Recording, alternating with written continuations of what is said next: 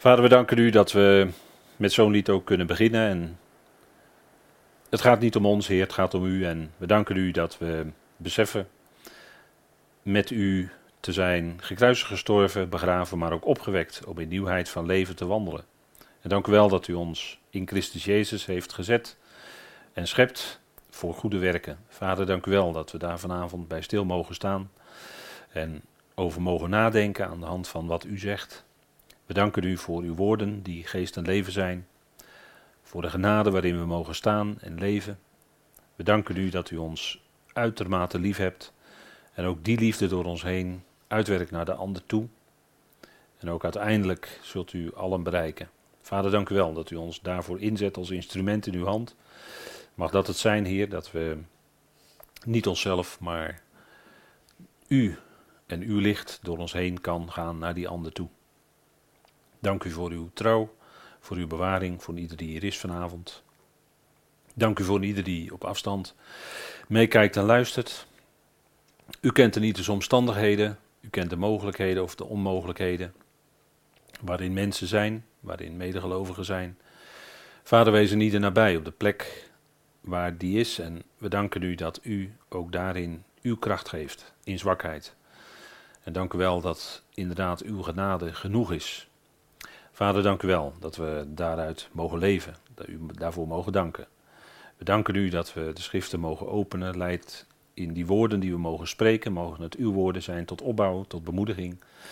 En geef ons een luisterend hart voor dat woord van u. We danken u daarvoor dat u dat geeft en doet in de naam van uw geliefde Zoon, onze Heere Christus Jezus. Amen. Goed, ik wilde met u lezen uit Efeze 2. En dat doen wij uit de bestaande tekst die we op schrift hebben. En ik lees u uh, vanaf vers 4, Efeze 2 vanaf vers 4 tot en met vers 10. God echter die rijk is aan barmhartigheid vanwege zijn onmetelijke liefde waarmee hij ons lief heeft. Wij die dood zijn voor de krenkingen en de begeerten, maakt ons gezamenlijk levend in Christus. In genade zijn jullie geredden. En wekt ons gezamenlijk op en zet ons gezamenlijk te midden van de hemelingen in Christus Jezus, opdat Hij in de komende eonen tentoon zal spreiden de overstijgende rijkdom van Zijn genade in Zijn mildheid voor ons in Christus Jezus. Want in genade zijn jullie geredden, door Zijn geloof. En dit niet uit jullie zelf. Het is Gods naderingsgave. Niet uitwerken, opdat niemand zich beroemen zal. Want zijn maaksel zijn wij, die geschapen worden in Christus Jezus voor goede werken, die God van tevoren gereed maakt, opdat wij daarin zullen wandelen. Tot zover deze tekst uit Efeze 2. En een, hele rijke tekst uit eh, de Efezebrief. Genade en goede werken. We, hadden, we zongen er net al over dat verbroken vat. En u ziet hier ook de handen van de pottenbakker. Nou, zo is God ook in ons leven bezig. Hè? Wij als de grote pottenbakker, als de grote um, vormer. En hij vormt ons in ons leven zodat we gelijk worden aan het beeld van de zoon. Dat is natuurlijk geweldig hè, wat hij doet. Dat is zijn werk, dat is zijn scheppende werk, zijn vormende, zijn vormende werk in ons leven. Genade en goede werken, wat moet je daarmee? Ja, nou daar gaan we vanavond maar naar kijken. Aan de hand van de schrift, want uh, ik kan natuurlijk hier wel lekker gaan zitten filosoferen als mens, maar daar heeft u helemaal niks aan. U heeft er veel meer aan van wat zegt nou die schrift daarvan. Hè? Dus dat willen we dan vanavond gaan doen. Allereerst staat er in vers 10, en we, we gaan dus naar, gelijk naar vers 10. Daar staat, want zijn maaksel zijn wij, die geschapen worden in Christus Jezus. En u ziet dat dat scheppen, daar staat als een feit. Hè? Ik heb daar een heel klein horizontaal streepje, misschien ziet u dat op afstand, maar dat is geen uh, mug of vlieg die er zit, dat is een streepje. En dat betekent dat het de aoristus is, dat het dus een feit is. Het gaat niet zozeer om de bepaalde tijd, verleden, heden, toekomst, maar het gaat erom dat het een feit is. Wij die worden geschapen in Christus Jezus. En het woord maaksel, dat is ook nog wel mooi om te vermelden, denk ik. Dat is het Griekse woord poema.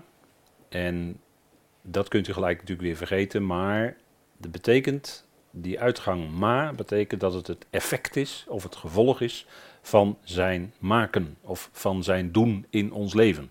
Het woord poieo in het Grieks betekent doen of maken. En dat, uh, uh, dat is hetzelfde woord, dat is hetzelfde als het Hebreeuwse woord aza. En uh, dat effect ervan wordt dan zichtbaar in ons leven. Wat, en dat betekent, dat woord poema betekent, of dat maaksel betekent, wat God met een bijzonder doel maakt. Zijn werk. Het is dus zijn werk. Staat ook in vers 10, want zijn maaksel zijn wij. Nadruk ligt op zijn, hè. Zijn, wij zijn zijn daad of zijn meesterwerk zou je ook kunnen zeggen. Zijn meesterwerk. Zijn maaksel zijn wij. En als we kijken naar de schepping, en ik heb hier een mooi plaatje bij gezet van bergen. De prachtige schepping natuurlijk, schitterende natuur. Wie heeft dat gemaakt? Nou, God. Dat is gewoon, daar kunnen we heel kort voor zijn. Dat heeft God gemaakt. Hè, dus er valt natuurlijk niks te oerknallen. God heeft alles gemaakt. Alles is uit God. Dat is het antwoord. Hè? En dat is natuurlijk prachtig. Die schepping is allemaal door God gemaakt. En je kunt het je gewoon niet voorstellen. En het bijzondere is dat ook dat facet van de schepping. Dat woord schepping wordt dan ook gebruikt in een ander tekstverband. In een brief van Paulus. In de Romeinenbrief namelijk. En dat is Romeinen 1. Ik heb het op deze dia gezet. Romeinen 1 vers 20. Waar Paulus natuurlijk een heel betoog op zet over mensen die de waarheid in ongerechtigheid neerhouden. En um, dat is in deze tijd nog wel het, wat het geval, ja. Dat is nog wel wat het geval in deze tijd. Ja, ja. Dat de waarheid in ongerechtigheid wordt neergehouden. En het is wel dat overal komt af en toe wel, als je goed leest en je weet de goede bronnen te vinden, dat overal die waarheid toch wel naar boven komt. Want waar heeft het altijd de neiging om toch op een of andere manier komt het weer bovendrijven. Dat is altijd zo met waarheid. Maar de, de waarheid wordt in deze tijd uh, behoorlijk hoor, in ongerechtigheid neergehouden. Behoorlijk. Nee, ik hoef je niet te zeggen dat macht corrumpeert. Ik hoef u niet te zeggen dat er heel veel corruptie is in de wereld, maar dan ook echt overal in de wereld. Dat hoef ik u ook niet te zeggen. Dat weet u wel, denk ik. Nou, die dingen die spelen allemaal en daar heeft Paulus het over. En dan zegt hij in dat betoog in Romeinen 1, want kijk, de, de kern waar het dan om gaat is dat die mens in duisternis is. En dan zegt Paulus, hun onverstandig hart is verduisterd geworden. En daardoor ook hun gedachten. En daarom weten ze niet waar ze vandaan komen, weten ze niet waar ze naartoe gaan. En ze weten eigenlijk ook niet ten diepste wat ze hier nou op deze aardkloot doen in dit leven. Dat heeft er allemaal mee te maken natuurlijk. Dat, eh, dat, is, dat is natuurlijk 1 plus 1 is 2. En het punt is dat zij God niet willen. Ze weten wel dat hij er is. Natuurlijk weten ze dat hij er is. Kijk, als je zo'n plaatje ziet, dan weet je toch dat God er is. Hallo zeg. Natuurlijk weet men dat. Alleen het punt is dat men God niet wil erkennen als God. Dat is het punt. En als daarvan afgeweken wordt, dat je God niet langer erkent als de plaatser, als degene die liefde is en die iedereen de plaats toewijst, ja, dan kom je in duisternis, ja. Als je daarvan afwijkt. En iedere kleine afwijking van de waarheid is in feite een klein stukje verduistering van, ja, dat God werkelijk God is. Dat is die. En ik denk dat we daar luid en duidelijk uh, dat met elkaar kunnen vaststellen aan de hand van de schrift. De schrift getuigt dat natuurlijk aan alle kanten. En dat is het betoog van Paulus hier. Zij erkennen God niet langer als God. En daarom is het duister geworden in hun onverstandig hart. Dat is gewoon de realiteit waar we mee te maken hebben. En daarom willen ze ook die waarheid. En dat is ten diepste natuurlijk altijd de waarheid van God. Want God is waarheid. In een metafoor gesproken. Maar God, alle waarheid komt bij God vandaan. Daarom houdt men de waarheid ook in ongerechtigheid neer. daar, daar, wordt kracht op uitgeoefend, dat wordt neergedrukt. dat woord staat er. En eh, het punt is, van wat van hem onzichtbaar is, wordt vanaf de schepping van de wereld, staat er in dit vers, Romeinen 1 vers 20, in zijn maaksels, daar heb je hetzelfde woord als wat we in Efeze 2 vers 10 ook hebben, dat wij dat zijn, zijn maaksel, ontwaard en verstaan, ontwaren, iets ontwaren is iets gaan waarnemen, iets gaan zien. En verstaan beide zijn onwaarneembare kracht en goddelijkheid. Zodat zij onverdedigbaar zijn. Dat zien we bijvoorbeeld ook geïllustreerd in dit boomblad hier. Hè? U ziet hier die nerven die erin lopen, prachtige structuur. Dat is, dat is, een, dat is een toonbeeld van Gods uh, scheppende kracht en van zijn. Uh, ja, het is, een, het is een onwaarneembare kracht, maar je ziet het wel degelijk tot uitdrukking komen in de maaksels die er zijn. En zo'n maaksel is ook zo'n boomblad bijvoorbeeld. Is schitterend natuurlijk. En als je dat ziet, dan, uh, ja, dan is dat die schepper die met veel wijsheid, die met veel liefde, met veel kracht ook, met veel goddelijkheid dus, deze dingen allemaal tot stand gebracht heeft. En dat is dan alleen nog maar, uh, nog maar is misschien verkeerd gezegd, maar dat is dan alleen nog de oude schepping. Wat denkt u dan van de nieuwe schepping? Daar horen wij bij. Daar hebben we het over vanavond. Er wordt gezegd dat wij zijn maaksel zijn die geschapen worden in Christus Jezus. Dat is een nieuwe schepping. Dat is iets bijzonders. Dat is iets waarvan je zegt van nou, zoals je terecht vol bewondering kan kijken naar dit boomblad. En dan kan je zeggen, ja, prachtig hoe God dat gemaakt heeft. En je bent helemaal verwonderd. En dan prijs je die, die heerlijkheid, die almacht van God. En de, dat hij dat zo tot stand kan brengen, zoiets. Dat is natuurlijk geweldig. Zo groot, hè, daar zie je iets van de grootheid van God. En dat is nou ook bij ons, is God bezig om een geweldig werk te doen. want het gaat over goede werken. Nou, degene die constant bezig is goede werken te doen, dat is God zelf natuurlijk, hè, in hoogste instantie. Die is constant bezig goede werken te doen. Zelfs als die negatieve dingen schept voor zijn doel, is dat uiteindelijk toch om het goede te bereiken. Dus dat zijn uiteindelijk toch goede werken. Als we vanuit God bekijken dan. Hè. Maar het is zijn onwaarneembare kracht en goddelijkheid, zodat zij onverdedigbaar zijn. Dus ook hier zien we dat het begrip maaksel, dus het resultaat van zijn maken of zijn doen, te maken heeft met schepping. Het woord schepping wordt hier ook gebruikt. Weliswaar hier het zelfstandig naamwoord en in Efeze 2 vers 10 het werkwoord. Maar toch, die begrippen die horen dan bij elkaar. En dat is uh, wonderlijk, hè? heel wonderlijk dat het dan ook van ons wordt gebruikt. Kijk, als we het hebben over de schepping, dan is natuurlijk Psalm 19 een geweldige psalm. Dat waar staat, de hemelen vertellen de heerlijkheid van Eel. Hier staat God natuurlijk in de vertaling, maar Eel is veel duidelijker, vind ik, omdat het hier gaat echt om de Allerhoogste. Eel, die tweeletterige titel, dat is de onderschikker. Of dat is de beschikker. Dat is degene die alles in zijn plan zo arrangeert, zo plaatst dat het zijn doel dient en dat hij ook zijn doel bereikt. Dus de hemelen vertellen de heerlijkheid van Eel. Dus als je naar de hemelen kijkt, wat zie je dan? Nou, de heerlijkheid van God. Dat zie je dan. Of het nu in de wolken is, in die blauwe lucht, of s'nachts de, de, de sterren. En dan zing je met de kleintjes, zing je wel maandje tuurt, maandje gluurt, weet je wel. Dat soort dingen. Hè, en die, die maan die is dan ook door God daar gezet. Hè, staat in Genesis 1 allemaal. Hè. God heeft die maan daar gezet en die zon. En die sterren. Hè, dan staat er ook de sterren. Even zo als, als bijzinnetje bijna. Ook de sterren. Maar dat is natuurlijk heel wat. Hè. Dat is natuurlijk een enorm scheppingswerk van God. En uh, de geleerden zijn er nog lang niet over uit hoor. Want ze moeten steeds, uh, hoe, beter, uh, dat is altijd wel leuk, leuk is dat. Hoe betere instrumenten ze krijgen hè, in, de, in, de, in, de, in de natuurkunde, in de natuurwetenschap. Hoe betere instrumenten ze krijgen, hoe meer ze moeten bijstellen. Leuk hè? Want dan kunnen ze weer beter kijken. En dan kijken ze wat beter. Oh, hadden we niet gedacht dat het zo zat. Nee.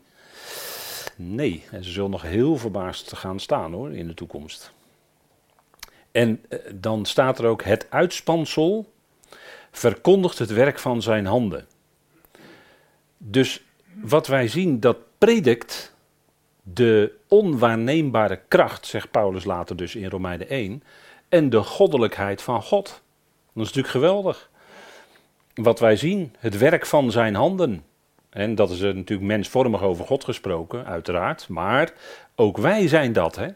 Wij zijn ook het werk van zijn handen. Zijn maaksel zijn wij. En dan zie je die handen van die pottenbakker. Die, die, die dat instrument vormt. En het leuke is dat uh, in Genesis 1 staat dat God noemde het uitspansel, dat is rakia in het Hebreeuws. En dat betekent iets wat strak staat. En God noemde, staat er dan in Genesis 1, het uitspansel hemelen. En hemelen staat in het Hebreeuws altijd in het meervoud. Daar staat altijd shamayim of shamim. Altijd in het meervoud, nooit in het enkelvoud. Dus het zijn altijd minimaal twee. En die vertellen de heerlijkheid van God en het uitspansel verkondigt het werk van zijn handen. Dat is natuurlijk fantastisch, hè? Dat wij dat dagelijks zien, wij die prediking. En natuurlijk is het ook zo dat zelfs, hè, zoals Dr. Bullinger dat in een boek heeft neergelegd, en die had het overigens ook weer van iemand anders, maar dat in die sterrenbeelden, daarin staat in feite het hele goede nieuws van God. De tekens van de dierenriem. En uh, ja, daar hoeven we niet, uh, daar, hoef je helemaal niet. Uh, we, hebben niks met astrologie uiteraard. Maar we hebben alles met astronomie en we hebben ook alles vooral met de schrift. Nou, dus als, als, als dat getuigenis van die sterrenbeelden nu hetzelfde is als getuigenis van de schrift. Wat is er dan mis mee? Dat is toch dezelfde auteur? Dat is toch dezelfde schepper? Of niet dan? Ik, ik heb daar niet zo moeite mee hoor. Nou, dat is natuurlijk geweldig hè, dat al die sterrenbeelden laten ook het goede nieuws zien. Dat er een Messias kwam enzovoort enzovoort.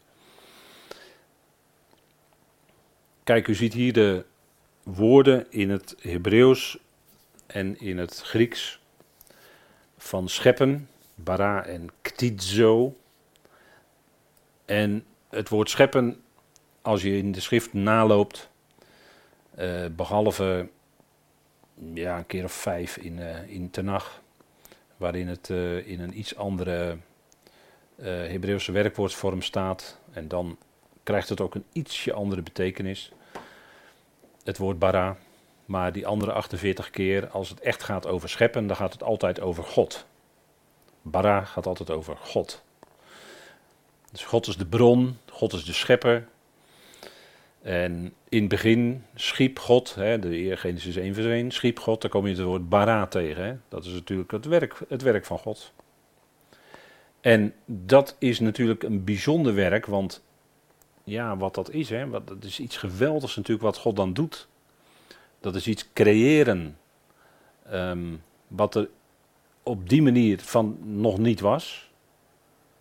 Ehm, maar niet, u moet niet denken dat scheppen de filosofische gedachte is van iets uit niets maken, want dat kan niet. Dat kan per definitie niet. Je kunt niet iets uit niets maken. Je kunt wel iets maken uit wat, wat al voorhanden is, dat combineren en omvormen en dan creëer je iets nieuws. Dat wel, dat is dan scheppen.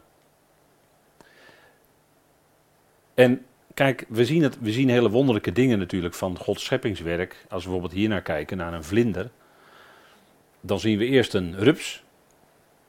En die, gaat, uh, die wordt pop, die gaat verpoppen. En dan komt er een prachtige vlinder uit. Nou, dat is natuurlijk een geweldig voorbeeld in de natuur zou je kunnen zeggen hoe van een oude schepping, die wordt omgevormd, en een hele nieuwe schepping tot stand komt. Dat is natuurlijk prachtig, hè? Prachtig. Dit, dit gebeurt gewoon allemaal onder onze ogen. En daar, daar, kun je, daar verwonderen wij ons over als gelovigen natuurlijk. Hè? En u ziet zo'n DNA-structuur, die andere foto ziet u een DNA-structuur. Ja, dat is natuurlijk ook iets, iets geweldigs, hè, wat God geschapen heeft. Dat het allemaal zo in elkaar zit. Daar zijn we als mensheid nog maar pas achter. En we weten nog lang niet alles over genen enzovoort en hoe dat allemaal werkt. En dat hele immuunsysteem, hoe dat allemaal werkt. En als het verzwakt, wat er dan gebeurt en dat soort dingen allemaal. Dat eh, ja, weten we nog maar zo weinig van als mensheid. Maar dat het heel wonderlijk is hoe, hoe dat werkt bij een mens. En dat er eigenlijk al heel veel dingen, zonder dat wij het merken, door het eigen immuunsysteem van de mens getackeld worden. Dat is natuurlijk wel heel bijzonder. Hè? Dat is wel heel bijzonder. Dus daar zouden wij dan ook zuinig op zijn, hè, op zo'n immuunsysteem. Daar moet je zuinig op zijn. Hè? Dat moet je niet uh, uh, laten beschadigen, om het zo maar te zeggen. Want dan krijg je natuurlijk problemen. Dan krijg je meer infecties. En dan, uh, wat stond er vandaag? Gisteren of vandaag stond er weer een bericht over een schimmel. Die dan mogelijk, RIVM had melding gemaakt van een schimmel die kon toeslaan.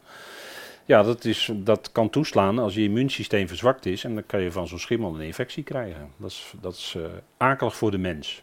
Dus zie je dat God het uh, gecreëerd heeft in de mens, zo'n immuunsysteem, die dan eigenlijk ongemerkt een heleboel dingen gewoon in je lichaam doet. En zorgt dat je niet, geen infectie krijgt, niet ziek wordt. En als je dan toch ziek wordt, ja, dan gaat het, gaat het aan de slag en gaat het herstellen. Bijvoorbeeld als je dan koorts krijgt, is daar een uiting van. Dat het immuunsysteem heel hard bezig is om iets te herstellen wat in je lichaam uh, niet goed zit, laat ik het zo maar zeggen. Heel wonderlijk, hè? Heeft God gemaakt. Stempel van de schepper, DNA, fantastisch hoor, fantastisch. Ja, dat zit zo wonderlijk in elkaar. Maar ik ben geen uh, medicus, ik, ik, ben maar een leek en ik praat maar een beetje uit wat ik gelezen heb hier en daar. Maar dat is toch wel heel fantastisch hoor, wat God gemaakt heeft.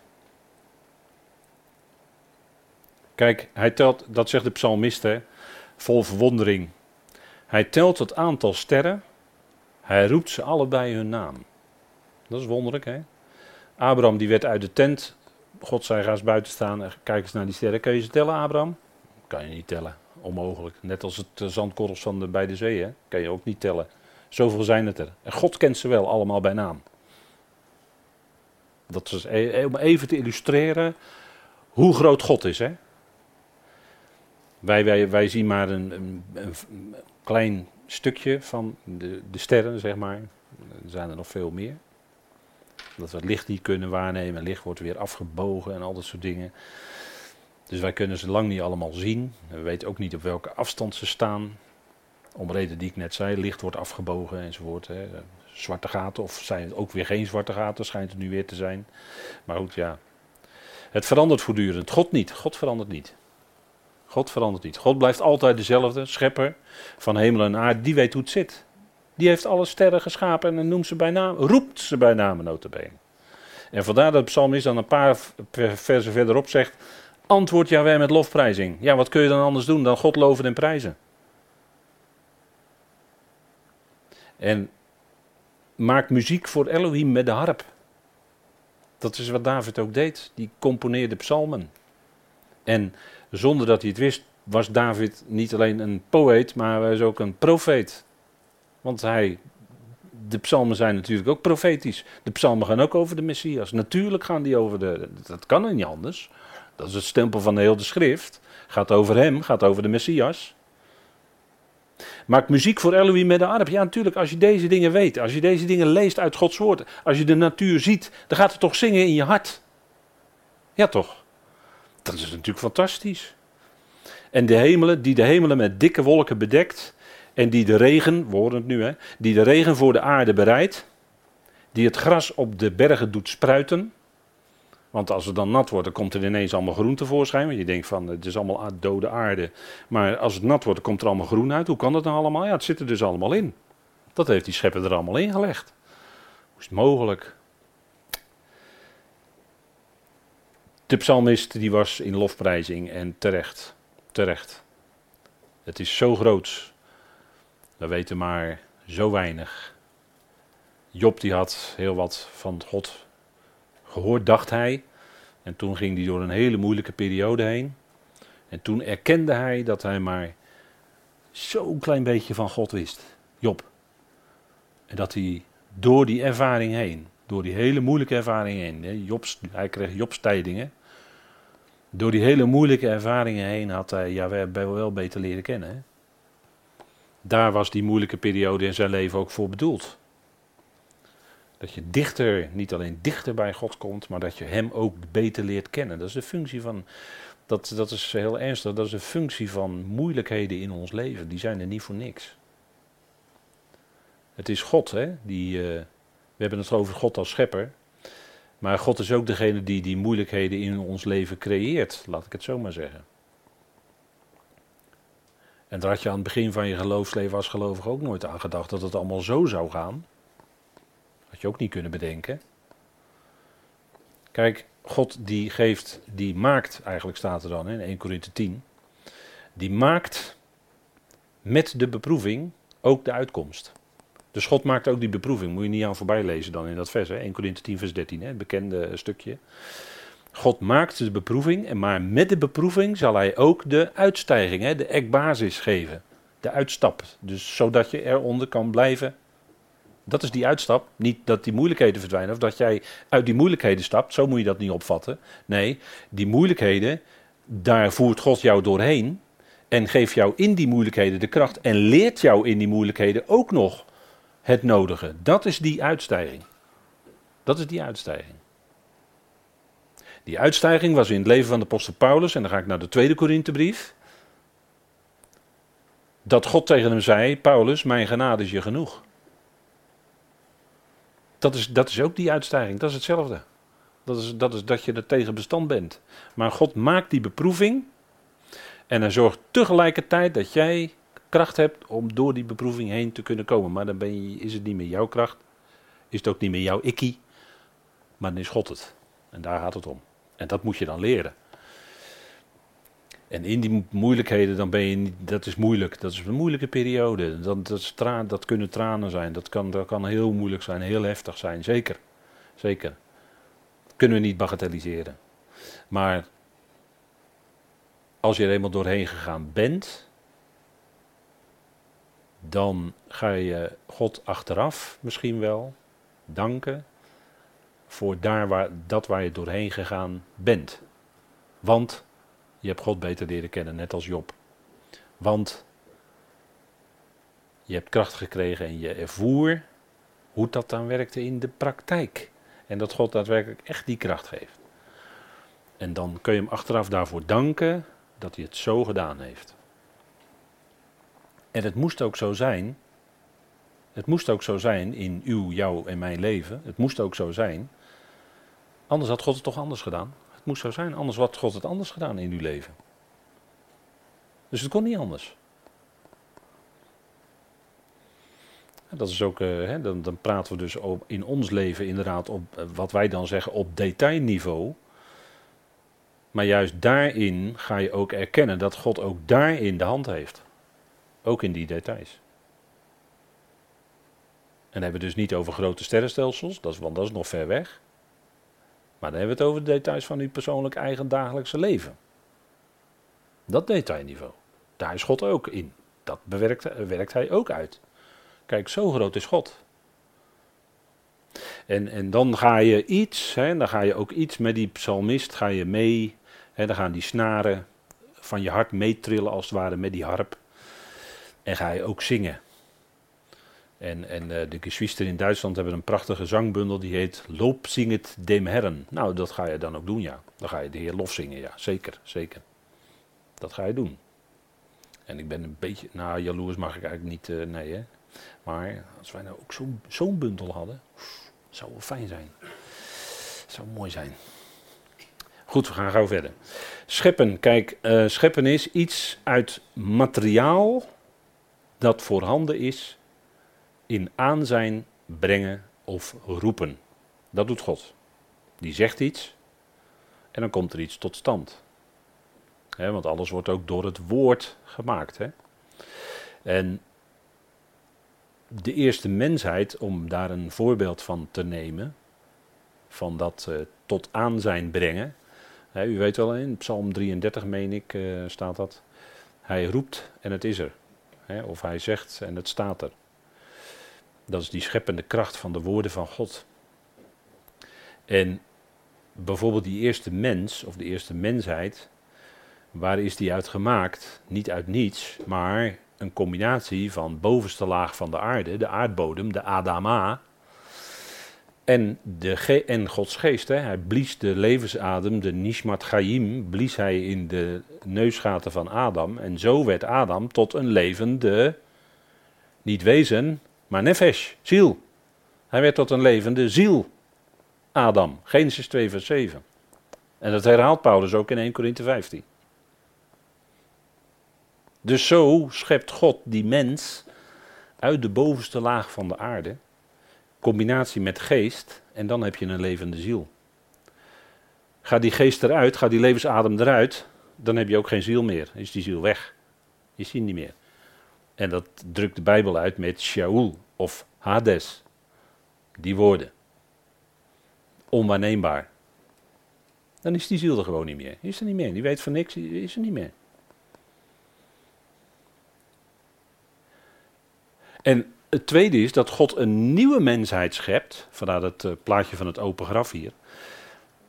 God schept een nieuwe mensheid uit de, niet de tweede Adam, maar de laatste Adam. Hè? Staat niet tweede, staat laatste Adam in 1 Korinthe 15. En dan schept God een nieuwe mensheid. En die oude was natuurlijk bedoeld, in zekere zin, hè, om die nieuwe voor te brengen. Maar God schept een nieuwe mensheid in Christus. Dat is wat de schrift zegt. Efeze 2, we zitten in dat hoofdstuk. En de wet buiten werking stelt, opdat hij de twee, hè, die twee groepen, vers 15, Efeze 2, vers 15, in zichzelf tot één nieuwe mens of mensheid zal scheppen, vredemakend. En dat gebeurt dan door het kruis, hè, door de werking van het kruis. Dus een nieuwe mensheid. En die twee groepen in het lichaam van Christus, in het gezamenlijke lichaam, dat is eigenlijk een, uh, laten we zeggen, een voorbode van die hele nieuwe mensheid. Die hebben al deel aan die nieuwe mensheid. Dat nieuwe gedrag ook. En uiteindelijk zal heel die mensheid daarbij komen. Want het is de nieuwe mensheid. Dus de hele, en het is de laatste Adam. Dat is natuurlijk geweldig wat God doet. Hè? Dat, is, dat is ook een schepping van God. Een geweldige schepping van God, die nieuwe mensheid in Christus. En, dat, is wat, uh, dat is het grote werk en dat zijn dingen die Paulus mocht uh, bekendmaken. Paulus mocht dat bekendmaken, andere apostelen niet, profeten ook niet. Jezaja mocht bij gelegenheid wel iets zeggen over de nieuwe schepping, dat er een nieuwe schepping komt. de laatste hoofdstukken van Jezaja, die spreken daar wel over. Maar een nieuwe mensheid? Nee, daar was niks over bekend hoor. En uh, de heer Jezus die zei het al in zijn gesprek tegen uh, Nicodemus. Van uh, als jullie al de aardse dingen niet begrijpen, hoe zal ik jullie de hemelse, letterlijk staat er aan, de ophemelse dingen kunnen vertellen? Dat is natuurlijk een, een heel, heel groot traject verder. Nou, die nieuwe mensheid, dat hoort bij die ophemelse dingen. Dat is, dat is natuurlijk die, dat is wat geheim gebleven is. Dat is wat God doet, dat is wat God, God is schepper. God is schepper en hij schept die nieuwe mensheid. Dat is natuurlijk ook geweldig, is fantastisch. Dat gaat komen. Wij zijn daar deel al, wij mogen daar al in Christus al deel van uitmaken. En dat komt. Dat komt.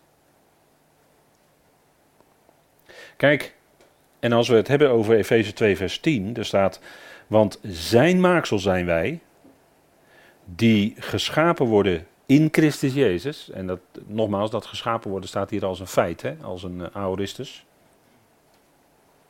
Ons geschapen worden. En nu komen we dan op het, hè, nu gaan we naar de Efezebrief. En bij de Efezebrief vinden we het ons op het hoogste niveau hè, eigenlijk. Kijk, ons geschapen worden was eerder in feite, in feite, en ligt niet op de aarde. Hoe wonderlijk dat ook misschien op het eerste gezicht lijkt. En ons geschapen worden is ook niet verbonden met degene die uit de aardbodem geschapen is. Adam en Eva werden uit de bovenste laag van de aarde geformeerd en wij zijn nakomelingen daarvan, ja, zeker. Maar waar het hier om gaat is dat wij, zoals Paulus dat hier zegt in vers 10, wij die geschapen worden in Christus Jezus. Dus hier gaat het niet langer, hier gaat het niet om de oude mens in Adam, maar hier gaat het om ons geschapen worden in Christus Jezus.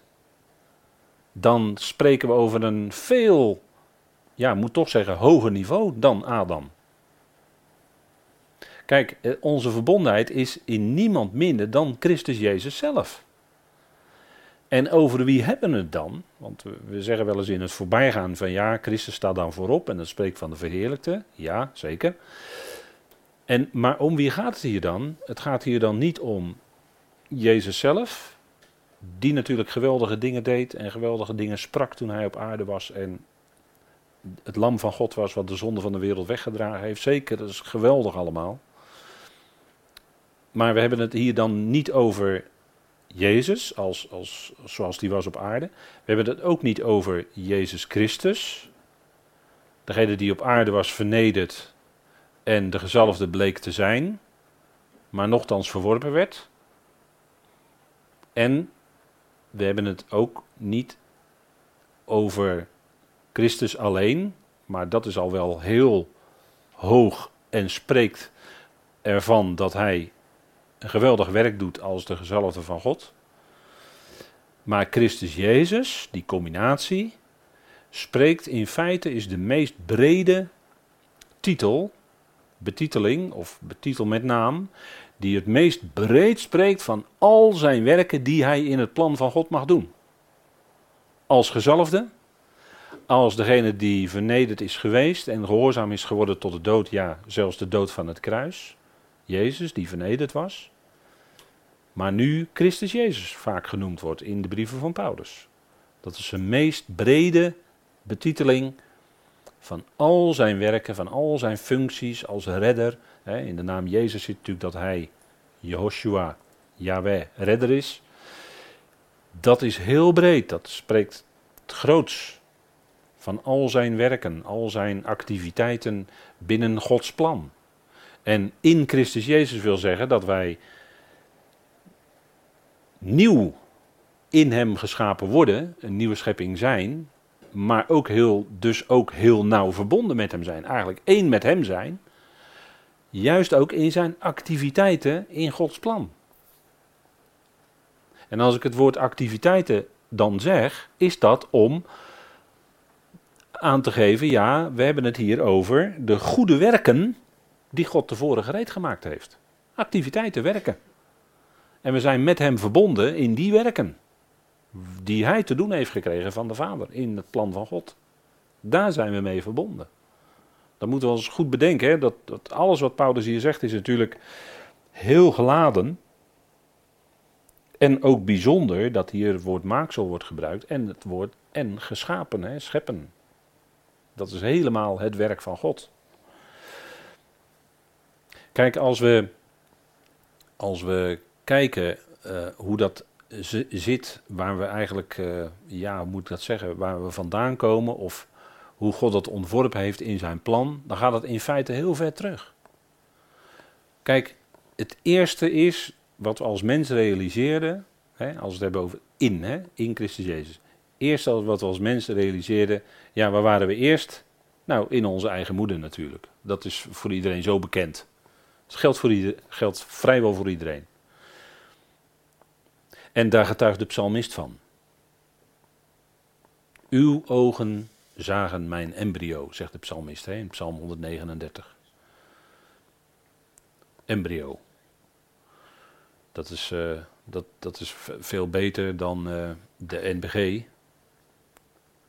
Uw ogen zagen mijn embryo. Dus God zag ons al toen we nog maar in het allerprilste begin waren. Allereerste stadium. Wat zegt Paulus?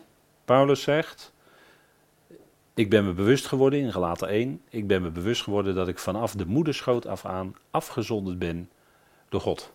Vanaf de moederschoot af aan, afgezonderd door God. En van Jeremia wordt zelfs gezegd, voor ik je in de buik vormde, kende ik je. Dat zegt God tegen Jeremia. Moet je nagaan. Al voor die tijd kende ik je al, Jeremia. En vanaf het moment dat je gevormd werd, heb ik jou ook bedoeld om woorden te spreken. U moet het allemaal verder lezen in Jeremia 1, vers 4. Heb, je, heb ik je bestemd, Jeremia, om je mond open te doen en te spreken de woorden van je tot de volkeren. Niet alleen Israël, maar er wordt het woord Goyim gebruikt, meervoud, Goyim. Volkeren. Dus niet alleen Israël, maar ook andere volkeren aan te spreken. Kijk, en die plaatjes hier, dat is uh, Rebecca, die kreeg een tweeling, weet u wel? Een tweeling. Jacob en Esau. En al voordat zij geboren waren, werd tegen Rebecca gezegd: de meerdere of de oudere zal de mindere dienen, zal de jongere dienen. En dan zegt Paulus erbij in Romeinen 9, en ik, u moet maar binnenkort, komt er een nieuwe brochure uit, dan gaat het over Jacob en Esau. Onder andere in die brochure gaat het over Jacob en Esau, fijne studie. Maar dan zegt Paulus in Romeinen 9, voordat zij iets goeds of slechts hadden gedaan, werd dat al gezegd. En met andere woorden, kijk, God kiest uit. Hè? Daar gaat het natuurlijk in Romeinen 9 over. God kiest uit.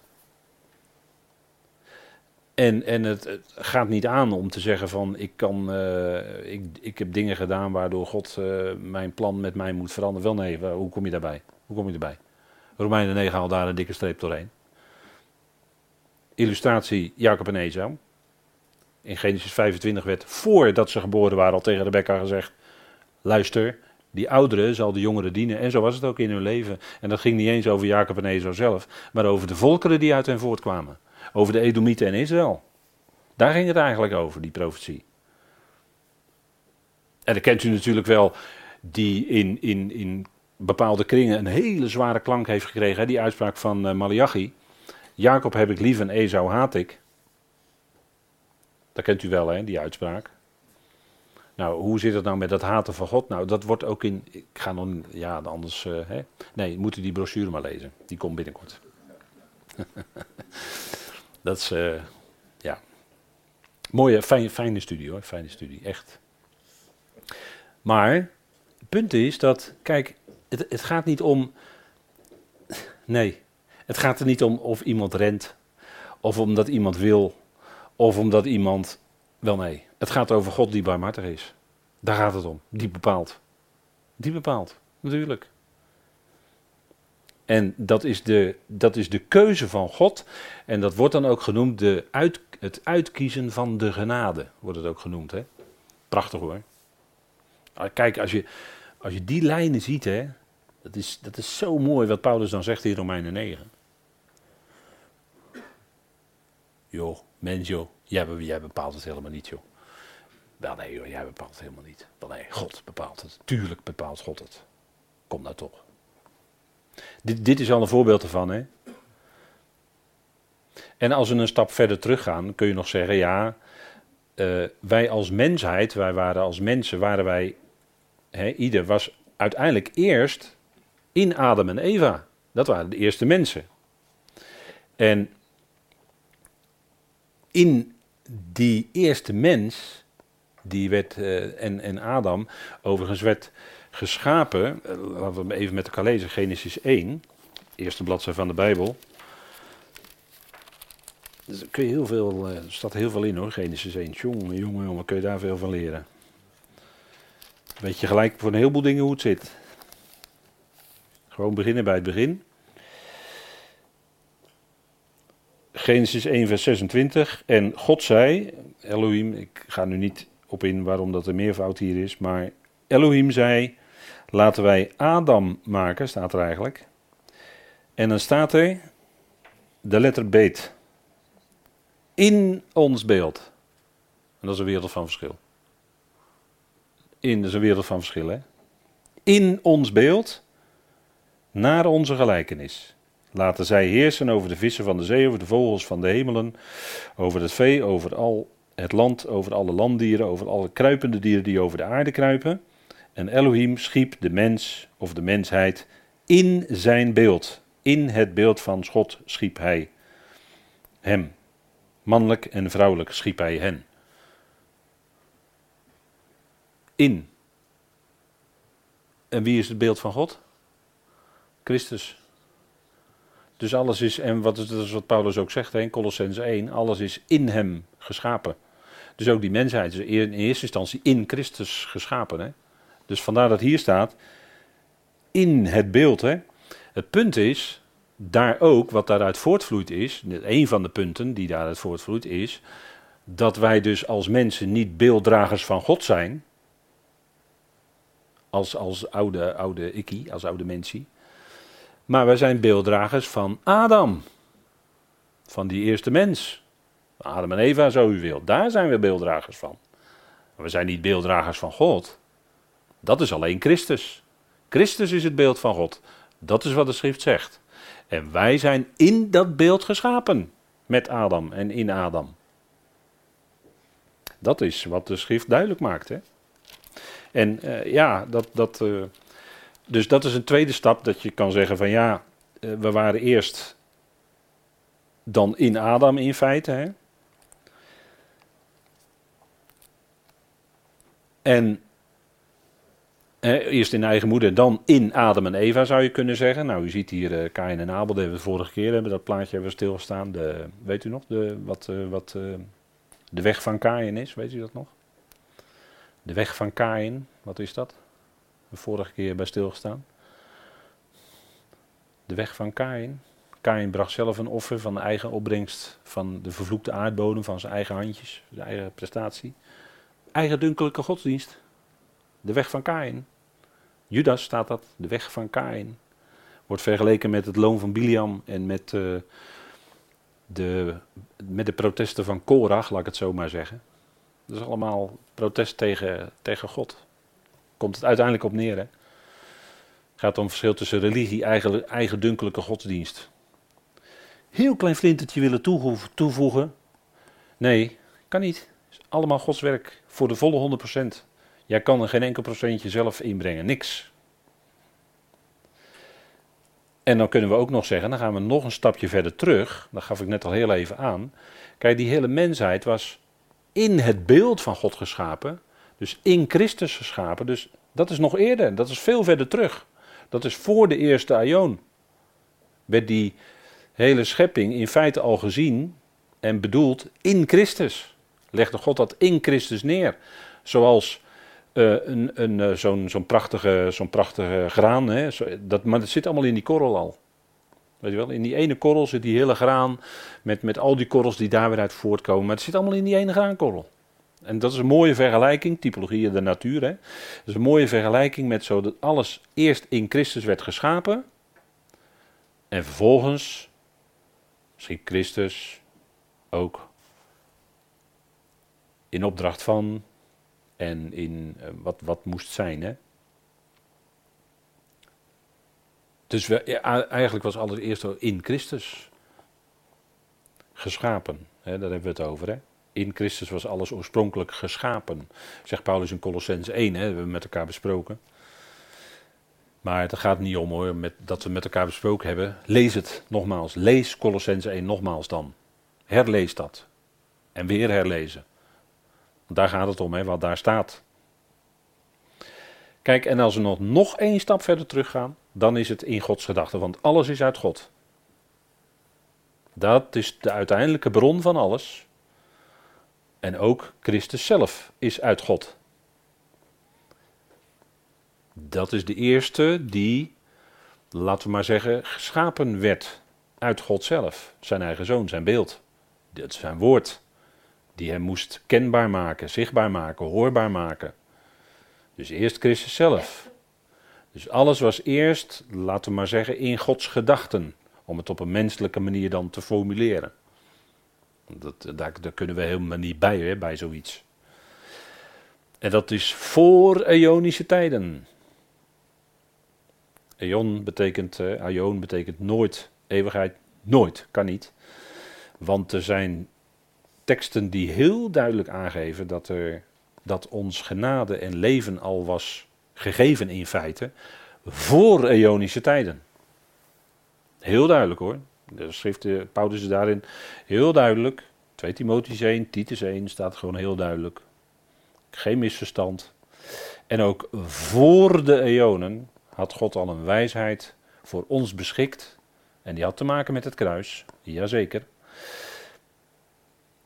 tot onze heerlijkheid, zegt Paulus dan in 1 Korinthe 2. Dat was een heerlijkheid of een wijsheid van voor de eonen. En die had ook met ons te maken. Met het lichaam van Christus. Dus ziet u dat die, die uitspraken van voor de eonen, hè, waar we nu drie zijn hele bekende, dus ik passeer, laat ze even snel de revue passeren. zijn hele bekende, maar hebben alle drie in feite met ons te maken, het lichaam van Christus. Dat, is toch, dat maakt het toch iets heel bijzonders hoor, het lichaam van Christus. En zo bijzonder, ik denk dat het allemaal al door, in de loop van de tijden, door, door alles wat er gebeurd is en door, door uh, ja, nou, laat ik maar zeggen, door alles wat gebeurd is, is het allemaal weggesleten. Die, het bijzondere van het lichaam van Christus. Dat, dat is in Gods plan zoiets bijzonders. Als enigen wordt daarvan gezegd dat wij geschapen worden in Christus Jezus voor goede werken. Die God notabene ook nog tevoren gereed gemaakt heeft. Opdat we daarin zouden wandelen. Ook nog eens een keer. Dus dat is nogal wat hoor. Dus dit lichaam van Christus, om het zo maar te zeggen, heeft een enorme status. Als ik dat woord mag gebruiken. Als zonen. Als zonen. En dan zo nauw verbonden met Christus Jezus. En dus ook met zijn werk zo nauw verbonden. Werken, goede werken. Dat wij mogen gaan meewerken in dat plan van God. Om ook die goede werken met hem mee te werken. Om mee te werken in dat plan. Daar hebben die goede werken mee te maken. Dat, dat is wat, wat de schrift laat zien. Hè? Nou, ik denk dat het goed is om met elkaar even te pauzeren. Want